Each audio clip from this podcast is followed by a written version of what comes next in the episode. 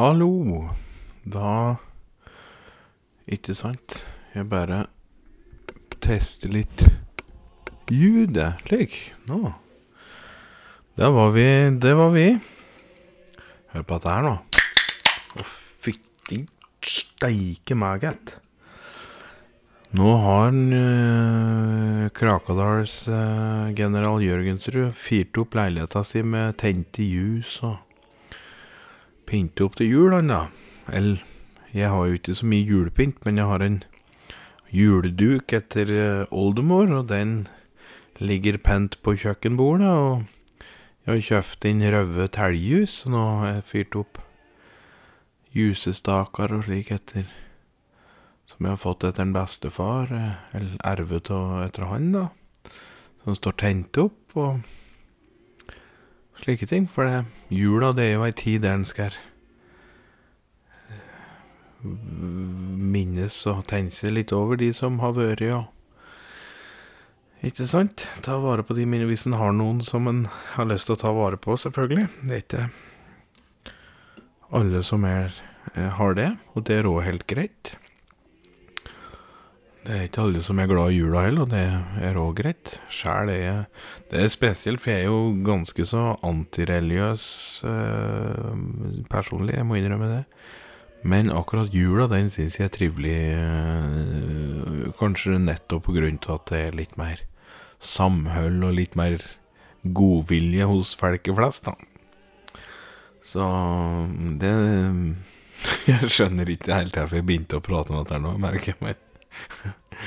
Jeg kommer fra jobb, og akkurat driver jeg og søker inn litt julesanger har jeg gjort, og det har jeg hatt det ganske fint, egentlig. Men eh, jeg er da ikke her for å fortelle deg om hvor fint jeg har det, eller har hatt det i kveld. Jeg er her jo for at jeg skal gi deg ei julehistorie som du gjerne kan spille om att og om att og om att resten av jula, og neste jul, og Det er mye du vil, egentlig. Jeg er ganske Jeg gleder meg lenge til å skulle fortelle en litt annerledes julefortelling om Olga Louise Grynbakk. Eh, rett og slett. Så eh, det er vel bare å binde, er det ikke det, da? For ja, hva skal jeg si Ok, nå starter jeg. Nå starter jeg. det er Det er vinter, og det klirrer i akevittglass, og latteren den sitter løst hos den ene og den andre i Grynbakkhuset som står inne på Krakadalen. Ikke langt unna Glorviksmyra, faktisk. En far Eimund han sitter med rødsprengte øyne og etter nesten å ha helt seg en hel liter makevitt aleine. Og han smiler sløvt, da, mens kona hans, Veslemøy, åpner gava han har gitt henne. Og det er en splitter ny radio som han har spinka og spara til de to siste åra. Unggutten Halvor på elleve år han sitter under juletreet som er pyntet med norske flagg, kongler og tente ljus, og så leker han der, under treet. Veslemøy pakker opp radioen sin, røv i kjaka, ettersom det var jo varmt i stua denne kvelden, vet du. Eh, og peisen, den hadde jo, for den hadde, peisen hadde jo stått og vært i fyr i hele dag, den fyre opp i hele dag. Og du veit, nå var jo så stua så varm og god som den skulle være da, på en slik en julekveld. Når gava var åpne, da jubla Veslemøy så høgt at det ljome mellom husvegga. Og Eimund han strålte stolt over at den nye radioen var tatt så godt imot. Så han fikk både kyss og klem av Veslemøy. Og han tenkte at dette dette var den lureste gava han hadde gitt noen gang. Og særlig med tanke på at han sjæl òg egentlig ønsket seg en ny radio, men han visste jo at Veslemøy aldri ville kunne spare opp til noe slikt, da. Så da var det litt win-win, kan du si. Så øh, øh, Men eh, sjæl, da, så hadde han jo en Eimund Han hadde da fått et par raggsokker og en nevekonte som av sin fru, og det hadde hun laga sjæl. Og han var glad for det, riktignok, for det var jo greit å, å, ha det i skogen når han var ute og høgg tømmer eller jakte, men du vet, det å ha en radio som spilte musikk, det var noe annet, det.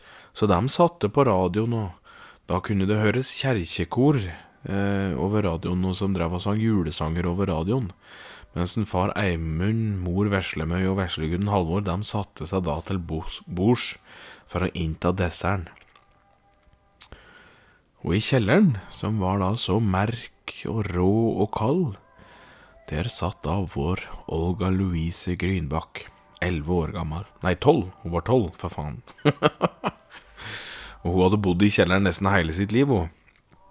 I hvert fall så lenge hun kunne huske aldri hadde opplevd noen julekveld med familien der oppe i denne varme peistua, for hun var nemlig født med ei eh, skeiv lilletå og et haraskår.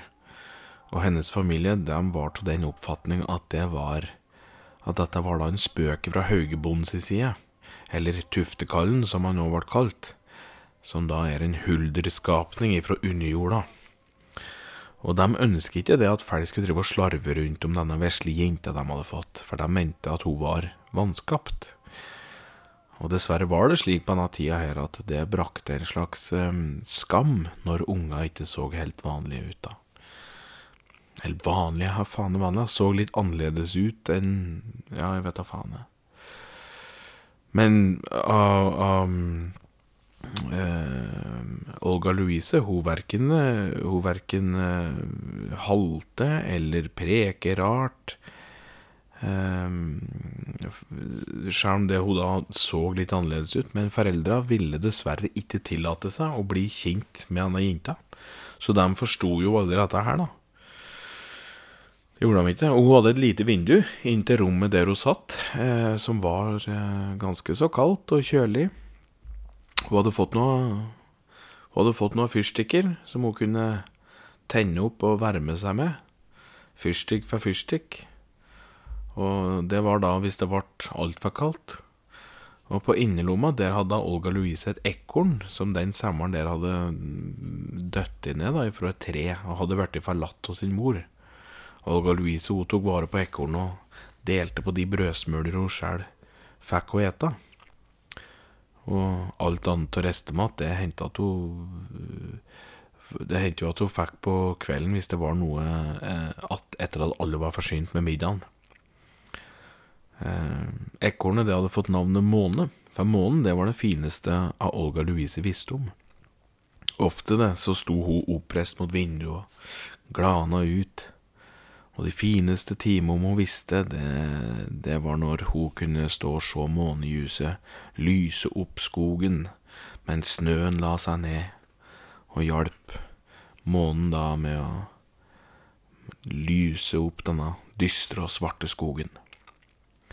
Hun sin snøen kunne minnes litt om diamanter, enda hun visste ikke helt hva diamanter var, da, men hun hadde en en frosk som hver sommer kom bort til vinduet og fortalte noen historier fra noen venner han hadde, da, og, som kom sørifra, og som hadde sett diamanter. Og ut ifra det frosken hadde sagt, så syntes hun at diamanter det måtte være ganske likt eh, krystallsnøen. Denne julekvelden her så satt Olga Louise i hjørnet sitt, med månejuset som selskap og ekornet sitt som trøst. Imens kunne hun høre de fineste toner ifra etasjen over. Det var den eh, nye radioen som eh, spilte, og koret som sang, ja, det var det fineste koret hun noensinne hadde hørt. Riktignok så hadde jo ikke hun akkurat hørt så jævla mye kor tidligere, da, men dette var da i hvert fall det fineste hun hadde hørt uansett, så Ja, så hun koste seg i hvert fall over tanken over at hennes mor og far virket glade da. Og hun måtte smile sjøl når hun hørte dem lo. Det gjorde hun.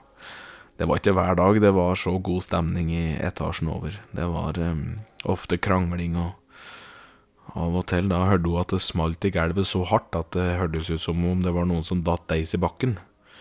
Og det var gjerne like etter at det hadde vært en del skriking og kjefting, så du veit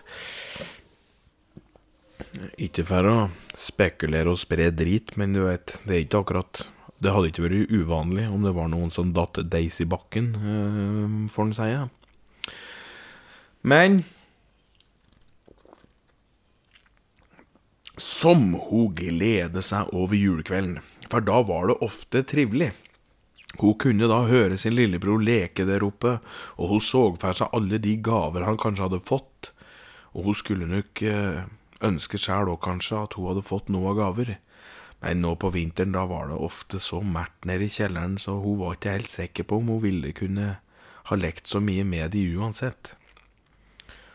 Hvis hun fikk velge gave sjøl, så hadde nok ønsket seg en bok. For hun hadde nemlig fått en bok av sin lillebror, som tilfeldigvis en dag kom over vinduet hennes. Han veit riktignok ikke at det bor noen søster i kjelleren. Eh, han har nemlig det fått høre at eh, det egentlig bor et farlig spøkelse nede i kjelleren, og at han aldri verken må gå eller se nede i kjelleren. Men vet, en dag da når Halvor hadde blitt fem år gammel, så syntes han litt synd på dette spøkelset som bodde der nede. Så at han en morgen da, da var han øh, Da hadde han gått ned til vinduet, da, og så hadde han lagt ved ei gave. Og dette var en gave han hadde tenkt ville gjøre spøkelset godt. Og samtidig aldri Så samtidig ville kanskje ikke dette spøkelset være så sint på han. Så, ikke sant? Like Ta for hvis Halvor noen gang skulle gå til kjelleren med en liten feil, da, så ville det kanskje ikke gjøre Så ville kanskje ikke spøkelset gjøre Halvor noe, ettersom han da hadde vært snill og gi en gave, ikke sant. Han visste òg at når mor hans satt med trynet nedi boka, da var det alltid så stille. Så han tenkte da at om spøkelset fikk ei bok, så ble kanskje det òg såpass forhekse At spøkelset òg ble ganske forhekset av boka at uh, spøkelset da ville bli helt stille. For noen gang så kunne han høre eh, gråt nedenfra. Eh, men det hadde en far sagt, at den gråten den kommer bare når spøkelset vil lokke til seg små unger. Halvor hadde i hvert fall lagt ifra seg boka Amtmannens døtre, som var skrevet av Camilla Collett. Og Olga Louise, hun hadde elsket den boka. Den hadde hun lest og lest og lest så lenge det var dagslys. Det hadde hendt at hun òg hadde kastet bort noen fyrstikker bare på å få lese ei side til, bare ei siste side. Og tenk hvis hun en jul hadde kunnet få en ny bok, tenkte hun for seg sjæl der hun så på fyrstikkene som brant seg nærmere og nærmere fingertuppa hennes i merten. Plutselig hørte hun noe rasling i snøen ut av vinduet, og fyrstikken den slakk. Det var like mye liv der oppe i stua, så de, de hadde ikke hørt noe. Men kanskje det bare var et rådyr, tenkte hun, fyrte opp en ny fyrstikk, da. Men plutselig så hørte hun raslinga på gulvet der hun satt, og så kjente hun vibrasjoner i gulvet. Det har kommet noen inn, tenkte hun, og reiste seg opp. Hallo, sa hun da.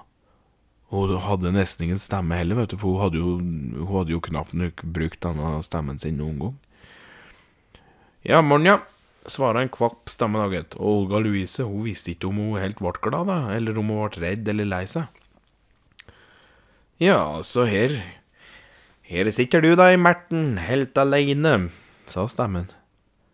Ja, ja, svarer Olga Louise. Ja, kjett da, gitt. Kjett som faen, gitt. På julaften og greier, da. Ja, Du er kanskje ikke noe glad i ribbe, du, kanskje? Ribbe? Ribbe, ja. Eller pinnekjøtt eller torsk eller medister eller pølser eller noe tusen det måtte være. det. Julemat, da. Julemat. Du er kanskje ikke noe, du er kanskje ikke noe uh, glad i, i, i, julemat, kanskje? undrer stemmen på. Jeg, jeg, jeg, jeg, visste ikke at det var forskjell på julemat og, og mat, jeg, men sa Olga Luse. Nei, ikke sant, ja. Nei, nei, du, nei, du har riktignok et poeng der, da, men du veit, det er mat der ute som du eter mer rundt juletider enn på sommeren, ikke sant? Du veit, sommeren, da er det gjerne populært med å, å svartbrenne koteletter ute over åpen ild, da. Mens rundt juletider, da er det jo gjerne Da er det gjerne like, like ovnstekt ribbe og medister som gjelder, da. Men det gir da full du jevnt faen i, du som ikke er noe glad i mat. Svar av stemmen, da. Ja, men jeg er, jeg er glad i mat, eh, tror jeg. Du er en liten vriompeis, du, merker jeg. Diskuterer på alt mulig, men det er greit, det. det, er greit, det. Eh, du er glad i mat, det er bra. Men du, eh, er det ikke litt kjedelig å sitte her nede på en julekveld som denne? Du vet, snøen er hvit og rein, og månen lyser opp så fint og kledelig. Kan, kanskje du vil bli med meg en tur, så kan vi reise på julemarkedet i bygda, vi, sa stemmen. Ja, du, det vil jeg så gjerne, men jeg, jeg kommer meg nok ikke ut, jeg, for mor og far sier at jeg ikke får gå ut ifra kjelleren, for folk har lyst til å drepe meg om de ser jeg fæl jeg er. Så, og hvis ikke det skjer, så skulle de, så skulle de drepe meg sjæl for skammen jeg ville da pålegge dem, sa Olga Louise.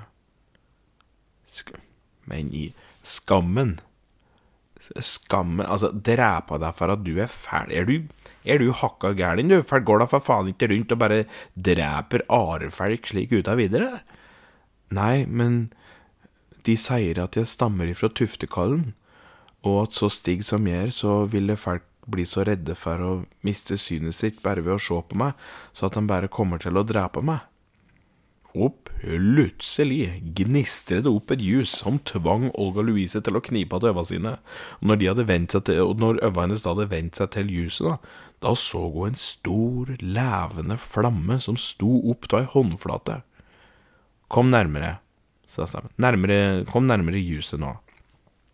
Olga Louise hun beveget ansiktet sitt så nært hun turte av flammen. Eh, altså i nærheten av flammen, da. Og på den andre sida av flammen så kunne hun snart skimte et eh, ansikt. Det var et furig ansikt med små rynker og så noen, noen kvistearr. Det var litt skjegg på haka, og så registrerte hun to store sjøblå øver. og de strålte slik månejus gjør på vinterkvelden. Men kjære deg, unge frøken, så strålende som du skinner, så bør nok en og annen idiot være redd for å miste synet, men jeg tror nok folk vil elske deg mer enn de vil frykte deg. Bli med meg på marked, så skal jeg vise deg fine ting. Olga Louise visste ikke helt hva hun skulle føle, men hun kjente at hun glødde litt i hele kroppen, uten at hun visste det. Eh, eller Det visste hun jo, men uten at hun visste det, så kunne hun plutselig kjenne tårer som presset seg litt på. Men eh, da den fremmede vesle kæren så det, da blåste hun i ansiktet, og vaps, så var tårene hennes oppgjort til sommerfugler som løftet seg vekk fra kjaka hennes. Oi, wow! Fy faen, dette der har aldri gått før, men nå fikk jeg det faen jomma til, gitt. Fy faen. Du, dette var jaggu kult. Dette var kult. Her er kult, Under Olga Louise på. Nei, du, det er ikke noe du trenger å bry deg med, men det, det var noen sommerfugler og det Nei, du veit.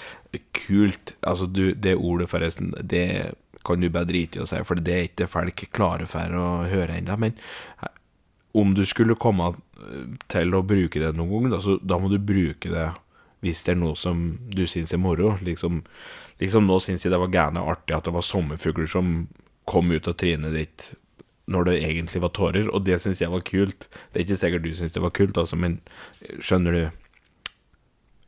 Skjønner du hei, jeg sier, kanskje? Mm. Men du, før jeg blir med deg på marked, kan du kanskje fortelle meg åkken du er? Ja visst, visst kan jeg det. Eh, Fjøsnisse Reidar heter jeg, og vandrer da rundt i Krakadalen på jakt etter jul. Eh, og det er jo fordi det er så faens frustrerende, det at det bare er jul én gang om året, i grunn. Du vet, kan tenke deg sjøl, da, at eh, jeg får jo da et grautmåltid da, én dag i året. Eh, og da er det gjerne slik at alle folk setter ut graut til meg, så jeg må liksom smekke i meg liksom 400-500 grautporsjoner i løpet av en dag. Det er det jeg må. Men kan du, du Mens de are 364 dager, tror du det står noe greit ut av? Ikke faen. Da må jeg gå rundt og stjele, da. Det, det, det, er klart det er kjett med det, men du vet, slik er livet. Og jeg klager ikke. Jeg klager ikke. Så skal du være med? Skal du være med på markedet, eller? Ja, er det kaldt, da? undrer Olga Louise på. Ja, men visst faen er det kaldt. Helvete, det er da spredt vinter og 28 minusgrader. Ja, men du, da kan jeg ikke. Jeg har bare disse klærne her, jeg, svarer Olga Louise. Da tok hun fjøsnisse Reidar av seg den ene skoen, den ene sokken og genseren sin, og så ga han det til Olga Louise.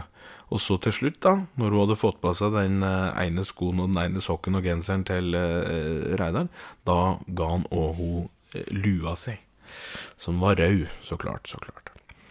Slik, du veit, nå blir vi like kalde begge to.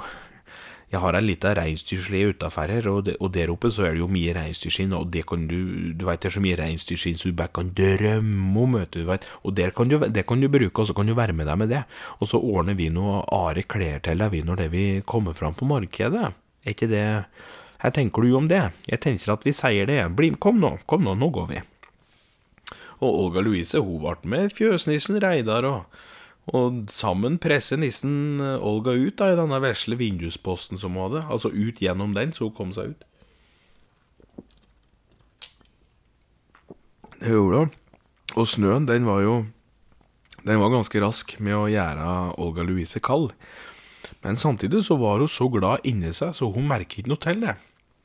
Hun, hun, var, hun var, så glad, så hun var jo varm inni seg, hun òg. Og, og um, hun kjente hesten snøflaka la seg over huget hennes, og, og hun lot snøen væske ansiktet hennes.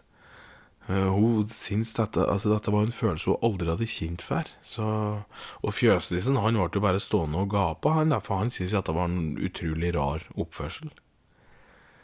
Ja ja, du får kjappa, på kjappa på, uh, vesle dam, madame. Du får kjappa på, madame, sa han da. Og så hjalp hun bort uh, til sleda si. Og der dekket han med reinsdyrskinn fra topp til tå. Og han hadde ekstra med ullgenser, strømper og nikkerser, som han ga da til Olga Louise. Og hun kunne ikke se seg sjøl, men hun følte seg ganske fin der hun satt. Og det gikk ikke lang tid før hun kjente seg like varm i skretten heller som hun hadde gjort på sommeren. Og du veit, disse reiste gjennom skogen noen mil da, før de ankom Krakadal sentrum, og ennå var markedet oppe. Og hun kjente lufta av karamell... ok. Karamelliserte mandler. Og marsipan og sjokolade kunne hun kjenne lufta av. Stekt gris og kokt torsk og py... Altså, dette var mye forskjellig luft. Pinnekjøtt var det jo.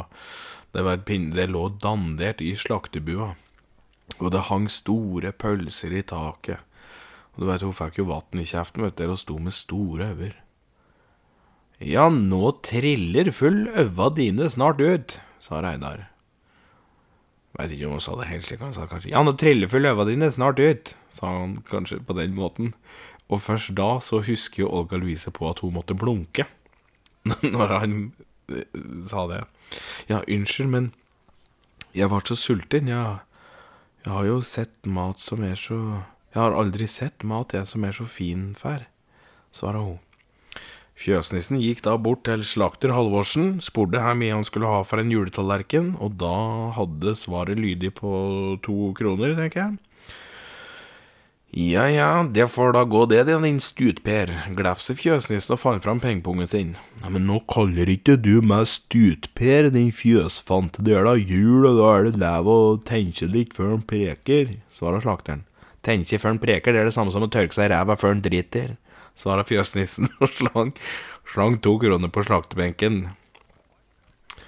Og ikke lenge etter da så kom det en tallerken med en ribbebeta, en pølsebeta, en medisterbeta og to pottiser med litt tyttebærsyltetøy og surkål attåt. Olga Louise kastet i seg maten på et blunk og etterlot fjøsnissen med store glugger.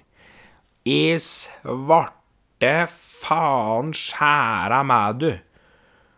Du gjør da ja, du ser da egentlig ut som en lita mus, men fy faen, du eter jogge som en bjørn, du, gitt, sa han. Ja, det var jammen godt. Kanskje jeg kan smake litt pinnekjøtt òg, under Olga Louise på. M mer? Skal, fa, fa, skal, du ha mer skal du ha, skal du ete, skal du ha mer mat, ja? Nå? Du skal Ja? Ja, hvis det går. Jo, ja, ja. Det Det går full, det går full, svarer Reidar og gikk bort, bort til slakteren. Stutsnu, eh, kanskje jeg kunne fått kjøpt litt pinnekjøtt av deg òg, kanskje? Ikke kall meg Stutsnu, din fleskfille. Å ja, det kan du få kjøpt. Det blir to kroner. svarte slakteren, snudde seg for å tilberede pinnekjøttet. Men da tok fjøsnissen og sneik seg under slaktebenken, stjal med seg to pølser og fire bæter pinnekjøtt, tre gulrøtter og en neve med kål. Så sneik han seg tilbake. Så når slakteren snudde seg med denne ferdig tilberedte tallerkenen med pinnekjøtt, så var fjøsisen gått noen meter tilbake. Der eh, Olga Louise satt på en benk, og der satt han da og vifte med langfingeren til slakteren mens han pressa ei pølse ned i munnen sin. Og Olga Louise hun satt da ved sida av med et stort smil mens hun satt og gnagde på, pinne, på, gnagde på pinnekjøtt. Ja, du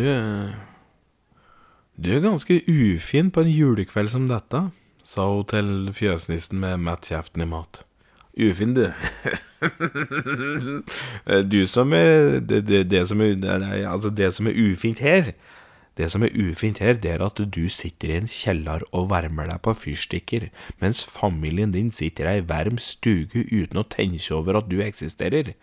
Det er ufint, det, svarer fjøsnissen og da skimte han et drag med tristhet som for over ansiktet til Olga Louise. Men han tenkte òg at det er bare sunt at hun kjenner på denne tristheten. Ser du denne slakteren der? undrer Fjøsnes på. Ja. Ja, her enda jul så er han i fjøset sitt og kapper huget av kalkuner så resten av folket skal ha mat til niåret. Det er ikke rart du blir en sur gammel stut når du starter julekvelden med døden i nevene, vet du. Og hvis du ser der borte, det derre frøken Randi Hoseth, hun er immigrant ifra Grutunet. Hun sitter nå hun på sitt 46. år som ensom, har ingen der hjemme å bry seg med, så hun sitter her, hun, her enda julekveld, og kitter smær og strikker sokker. Og når alle andre har gått hjem igjen for å tilbringe kvelden med sine egne, da går hun rundt i hver ei grend og glaner inn gjennom vinduet til folk for å se hvor lykkelige de er, mens hun sjæl, hun danser vals med konjakk, eh, hun danser vals med en konjakkhals, hun. Her er en konjakkhals, undrer Åga på. Ja, men ikke ødelegg poesien med fjåsespørsmål, da, vær så snill.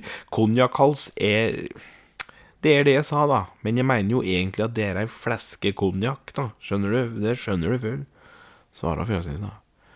Jeg har aldri smaka konjakk, jeg, sa Åge Louise. Her, sa fjøsnissen, og så tok hun opp ei lita flaske med noe brun væske oppi.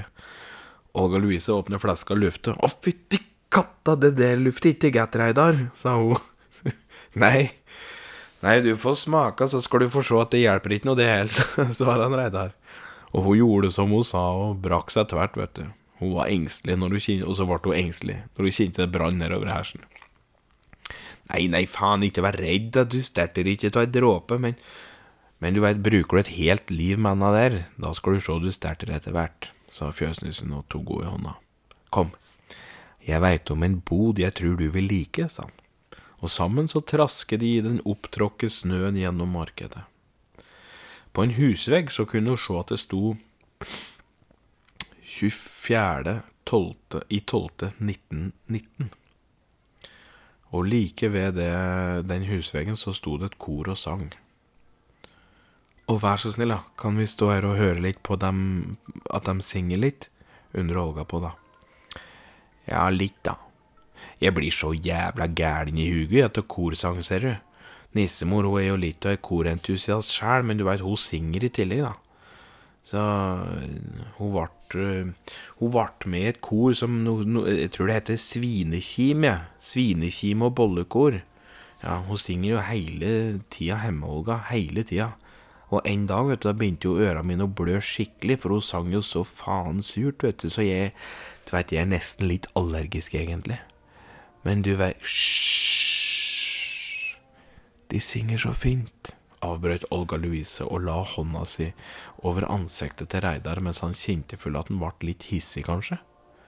Men så så han i øva til Olga Louise at hun elsket det flerstemte koret, så når sant skal sies, han måtte innrømme at de sang bedre enn det både nissemor og hennes eh, svinekim og bollekor gjorde, altså.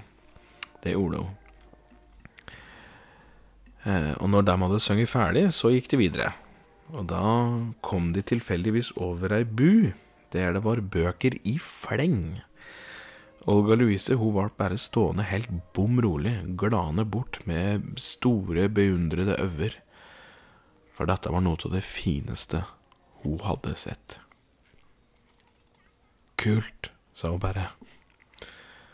Og da fjøsnissen sto ved sida av og stirret rart på henne Ja, han bare gjorde det, da. Så ja ja, tenkte han. Hun veit vi ikke her tid hun skal bruke ordet kult enda, tenkte han. Olga Louise hun gikk bort med forsiktige skritt, bort til benken, og der så hun noe utrolig merkelig. For det var en liten boks med eh, skrivesaker oppi. Her er dette her, undrer hun på. Bokhandler Fransen så bort på henne med brillom litt ned på nasatippen. Det er et uh, pennal. Et pennal, hun Olga på. Ja, sa bokhandleren. Kan jeg få ta på den, hun Olga på. Du har sikkert bare tenkt å stjele det, så nei, svarer bokhandleren. Men i svarte faen! Kom, da kom en fjøsnisse Reidar, gitt. Her dæven slags Her dæven faens skinn og bein slags juletillit er det du har brakt med deg fra hemmen du hadde? Stjele et forbaske pennal, og i villeste faen ville ha stjålet et jævla pennal, da? Nå, nå, nå når det finnes så jævla mye annet å stjele? Du veit, du får faen tre huget tur ræva, du, så du får lufte ut jeg, For det, hvis du blir noe mer idiot nå, du veit, da gjør det deg bare Da, da, gjør du deg faen meg bare som en julegris på slaktebenken til Halvorsen, du, enn å stå her og gompe deg som en og annen stutfant. Da visste ikke helt bokhandelen helt hva han skulle si, han, da. Uh, nei, du får bare løfte opp og pennhale og ta på det, du, Olga Lucy. Det er ikke noe problem, sa fjøsnissen. Men Og Olga hun gjorde det ikke før bokhandleren nikket på huget. Og da bokhandleren nikket på huget, da løfter hun det opp og beundrer dette her med eh, eh, ja, ømme blikk. dette var jo da et trepennal med skuvelekk, altså skyvelokk, til det som ikke kan solung. Og oppi så lå det en nyspisse blyant og et viskelær, en blyantspisser av tinn, og så en liten gul linjal. Her er alt dette her for noe, undro på. Og det var jo dette øyeblikket utveksle litt bekymrede blikk da, mellom bokhandler og fjøsnisse. Men bokhandleren han tok etter hvert mot til seg, så sa han det at det er en blyant som du kan skrive med, og så er det, er det en, en blyantspisser som du spisser blyanten med, og så har du en linjal til rette linjer, og så har du et viskelær som du kan viske bort det du har skrevet ned, da. Så så hun bort på fjøsnissen, som bare reiste på skuldra sine kjapt. Så jeg så jeg kan skrive bøker med en slik en blyant, undrer Olga Luse på. Ja, det Ja, du kan det. Da ønsker jeg meg en slik en boks til jul, jeg. Så jubler Olga Louise litt, da. Neste jul, du Men du kan jo ønske deg Du kan jo ønske deg denne der i år, da, kanskje? Eller du kan jo ønske deg det nå. Nei, nei. De har allerede åpne gaver hjemme hos meg, så jeg må nok vente til neste år. Jaha, her, meg her, her fikk du da i år, da? undrer bokhandleren på. Ingenting, svarer Olga Louise uten å foredrekke i mine. Hun var oppslukt i pennalet. Og dessverre, for seg, så, så hadde ikke bokhandleren solgt noe som helst denne dagen. Og enda så lyst som hun hadde til å eh, gi bort dette pennalet, så kunne hun det simpelthen ikke. Og fjøsnissen hadde heller ingen kronasjer å bruke, så han lovte heller at hun skulle få dette pennalet til neste jul. Og etter ei stund så la Olga Louise ifra seg pennalet motvillig og undre om bokhandler bokhandleren hadde en bok som det hun kunne avse. Og heldigvis så hadde hun det, da. Og hun hadde sjøl akkurat lest denne boka ferdig og syntes ikke at den var altfor god. Så hun ga den gledelig til Olga Louise, og så skrev hun ned en liten julehilsen til Olga i innholdsfortegnelsen. Og boka, det var jo Det var faktisk Peter Pan, det, som var skrevet av den utenlandske forfatteren James Matthew Barry. -hmm. Og så ta en liten skål til meg sjæl. -hmm. Nei da. Men så vandrer disse her eh, rundt ei stund eh, til i, på, på julemarkedet. Eh, eh, hva skal jeg si det, det, det, ble liksom ikke det samme å se alt det andre som var å se, etter at hun hadde vært i denne bokhandelen. Men hun fikk smake julekaker, pepperkaker, brente mandler, gløgg, og hun så på forskjellige leker av ymse slag, men hun tenkte bare på at det pennalet som det hun hadde sett. Det magiske pennalet med skuvelekk. Boka, hadde hun fått, eh, boka hun hadde fått, slapp hun heller ikke tak i. Og når bygdeklokka begynte å slå mot midnatt, så måtte dessverre fjøsnissen ta med seg Ta med seg Olga Louise tilbake til kjelleren sin.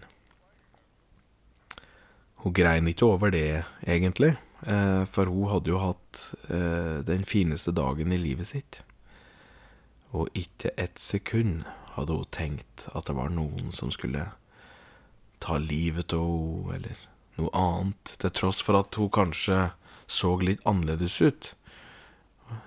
For det var jo det foreldre hadde sagt, men hun hadde følt seg så trygg. Ikke sant? Og kanskje var det også derfor bokhandlerfrøkna først ikke ville lette henne løfte på pennalet, for at hun kanskje var redd at Olga skulle tråkke på det eller noe, tenkte Olga Louise da for seg sjæl mens de Ja. Hun satt og tenkte på det mens de for gjennom himmelen på reinsdyrslia gjennom de mektige og snøtunge Finnskogen.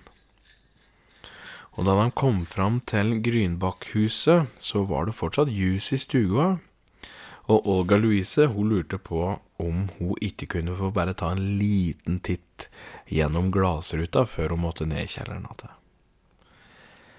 Ja, jeg kan ikke tvinge deg til noe som helst, gode frøken, så du gjør som du vil, svarer fjøsnissen, og Olga Louise hun gikk da bort til glassruta, og så tittet hun inn i stua. Og der sto juletreet med tente ljus, konglepynt og tre julekuler i farge grønn, rød, lilla. Og på toppen av treet så satt ei furustjerne som var ganske fin og den tenkte hun at den hadde sikkert far hennes laga. Og på sofaen der lå hennes lillebror med en brannbil i den ene hånda og en lefsetull med noen sylteskiver i den andre. Så fin skjorte han har, hviska Olga Louise til seg sjæl før hun tok blikket videre der hun så sin far, og han lå og sov i gyngestolen som var etter en farfar. Og hun la merke til radioen som sto på det lille bordet ved sida av. Det var den som spilte så fin musikk. Og så la hun merke til tre tomme akevittflasker som sto like ved, pluss ei lita ølflaske som hvilte i hånda til far hennes. En far Eimund, han lå med åpen munn og snerket tungt. Så fine tenner han har, hviska Olga Louise til seg sjæl mens hun smilte litt, idet hun følte seg ganske heldig over at hun hadde en far i det hele tatt. Noen å komme hjem til, tenkte hun. Og så gikk blikket videre til sin mor, som lå på gulvet inne ved kjøkkenet. Hun kunne ikke se ansiktet hennes, men hun så den fine, røde kjolen og de nypussede, svarte skoa.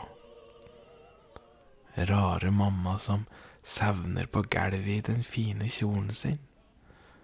Men så sliten kan man kanskje bli når det er jul hviska Olga Louise til seg sjæl mens hun smilte ømt.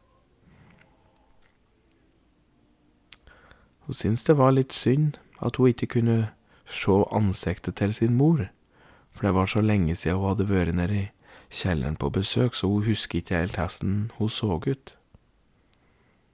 Ja ja, tenkte Olga Louise. Neste jul, da? Og så heiste hun seg ned fra vinduskarmen og møtte blikket til fjøsnisse Reidar, som overraskende nok sto med ansiktet sitt brutt opp i tårer. Han klarte faktisk ikke å si noen ting der han sto, men blikket, det satt fast i, i, i blikket til Olga. Her er det for noe? undrer Olga Louise på. Det tok lang tid. Reidar han fant ikke orda han ville si, og han fant ikke at stemmen sin, han var bare så lei seg, egentlig, der han sto. Du kan bare si det, jeg blir ikke sint, sa Olga Louise, for det hadde hennes mor sagt sist hun pratet med sin mor, og Olga Louise hadde jo så lyst til å si det at hun ville gå ut i sola en dag, men så hadde hun ikke turt å si det, og da hadde mor blitt sint. Jeg håper ikke fjøsnissen tror jeg blir sint hvis han ikke sier noe, tenkte Olga Louise kjapt da, men før hun rakk å si det, så kom det fra fjøsnissen.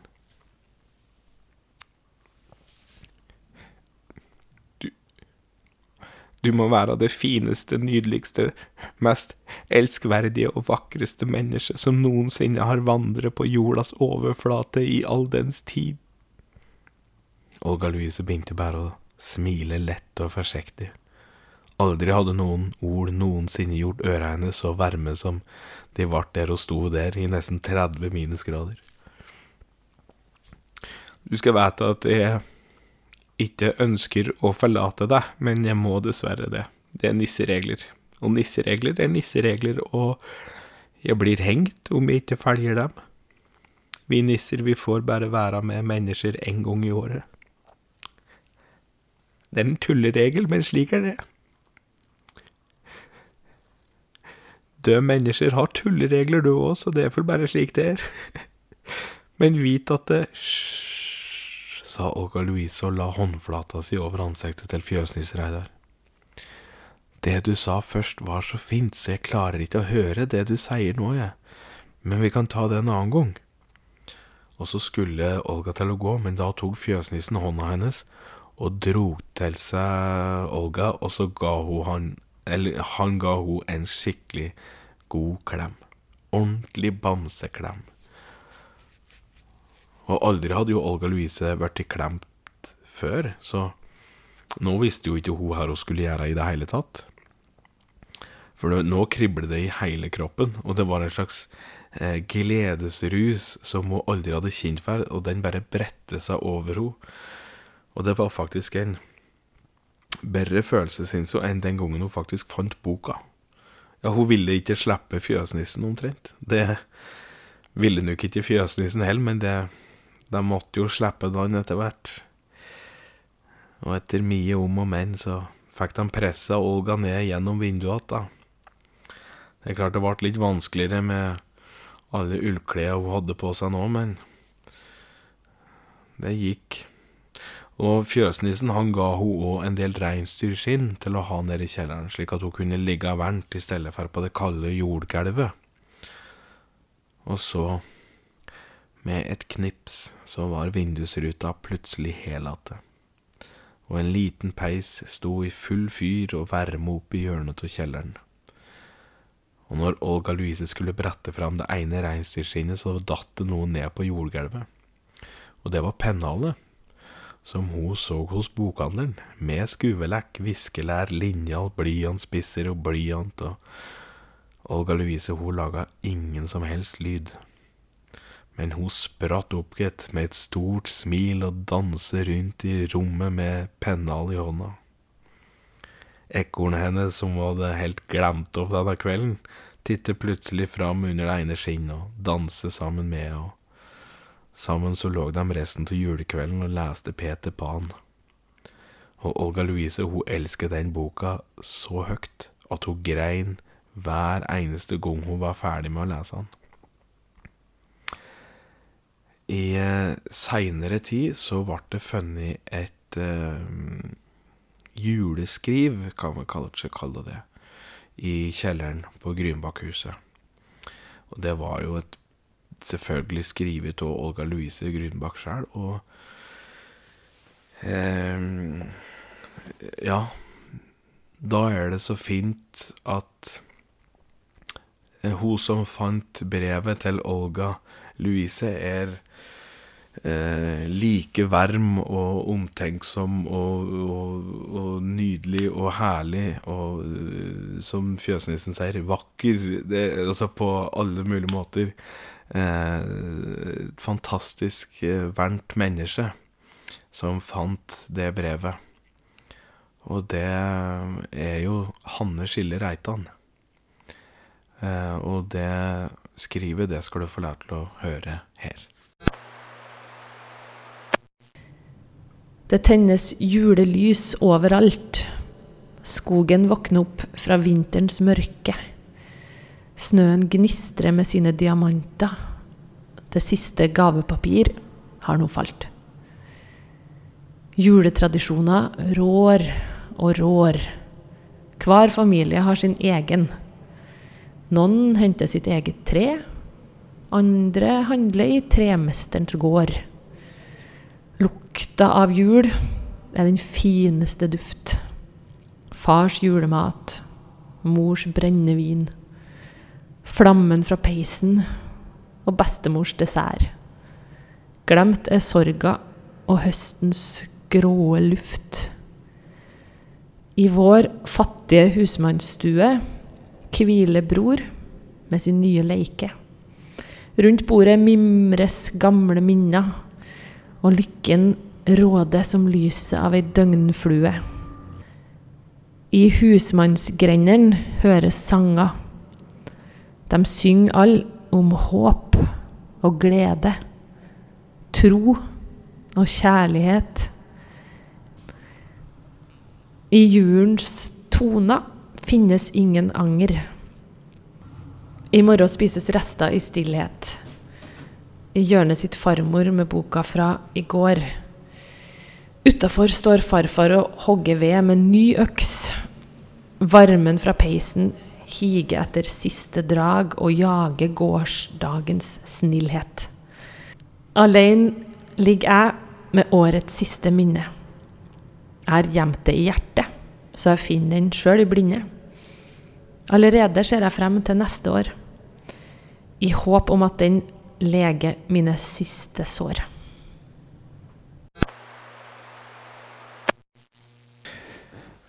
Det var Hanne Skille Reitan som leste brevet. Eller skrivet, er det. Eh, Vi skal litt videre i historien. Det er ikke mye igjen nå. Herregud, det er jo sjukt. Jeg, jeg, har ikke følt at jeg har brukt noe tid på denne episoden, men det, den er da nesten timen nå, syns jeg. Men uansett Krakadal uansett radio. Nei, ja. Da nyttårsaften eh, kom, ei uke seinere, da satt Olga Louise inntull i reinsdyrskinn, mens ekornet hennes, Måne, det satt på skulderen hennes. Og hun leste høyt i boka Peter Pan. Eh, til ekornet, selvfølgelig. Og de lo, og de koste seg. Og så plutselig så hørte hun Liv utafor vinduet sitt. Hun kunne ikke se noen ting, men hun hørte noe som minte om sang. Hun så for seg alle de hem som nå satt og åt kalkun ifra slakteren, og hesten folk lo og fortalte vitser til hverandre, og sjæl satt hun og smilte sjenert. For tenk så heldige de er, tenkte hun, som har det slik. Men jammen er vi heldige vi òg, Måne, som kan lese ei bok og være så varm i skrotten på en slik en kald kveld.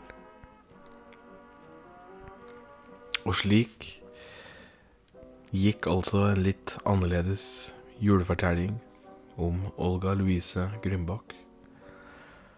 Og i år, som tidligere, så avsluttes eh, juleepisoden med eh, Krakadals julesang.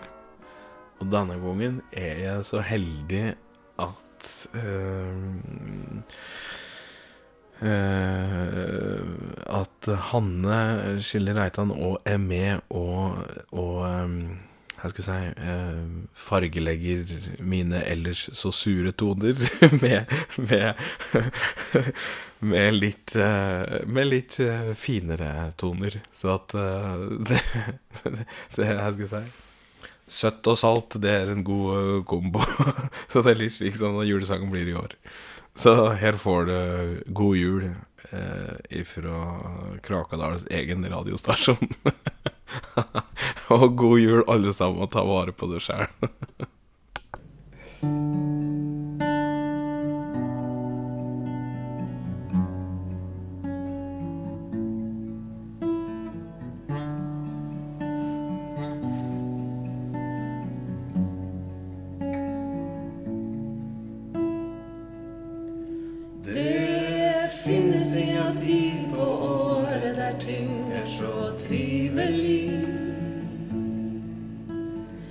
Ribba står i ovn, og grauten hviler med en mandel i.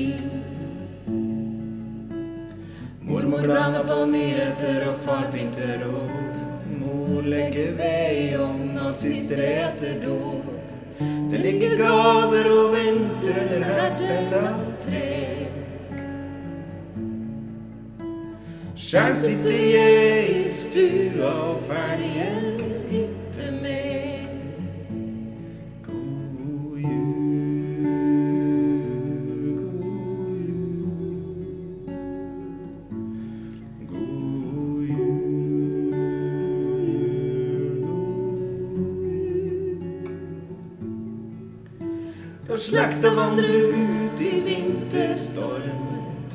til kjerkepreik hos vår presteorm. Sitte att og bøte mine synder og skrell. For Jesus Kristus bryr seg ikke noe særlig lell. Bror satte fyr på fattigstuga, han ønsket det fred sjæl på julaftan. God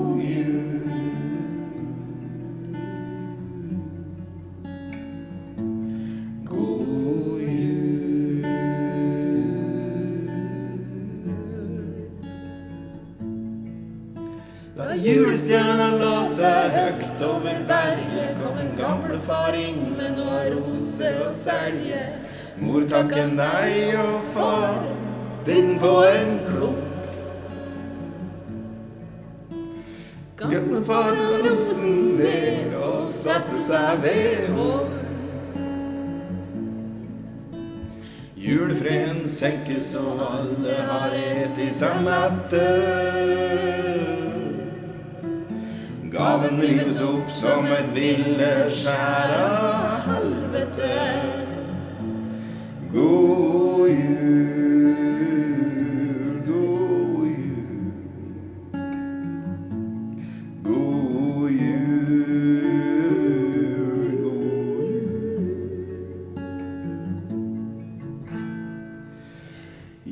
Satt oppe til klokka slå tolv, drakk meg stydens føgg og familievold. Gikk rundt i stua og danset en sving, min dansekamerat gikk ved navn brennevin. Vi gliste og lo mens skjelvet på koppa ned. Huset var tomt og ingen andre ler.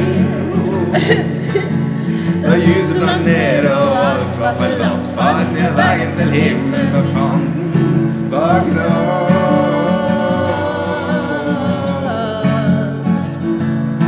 God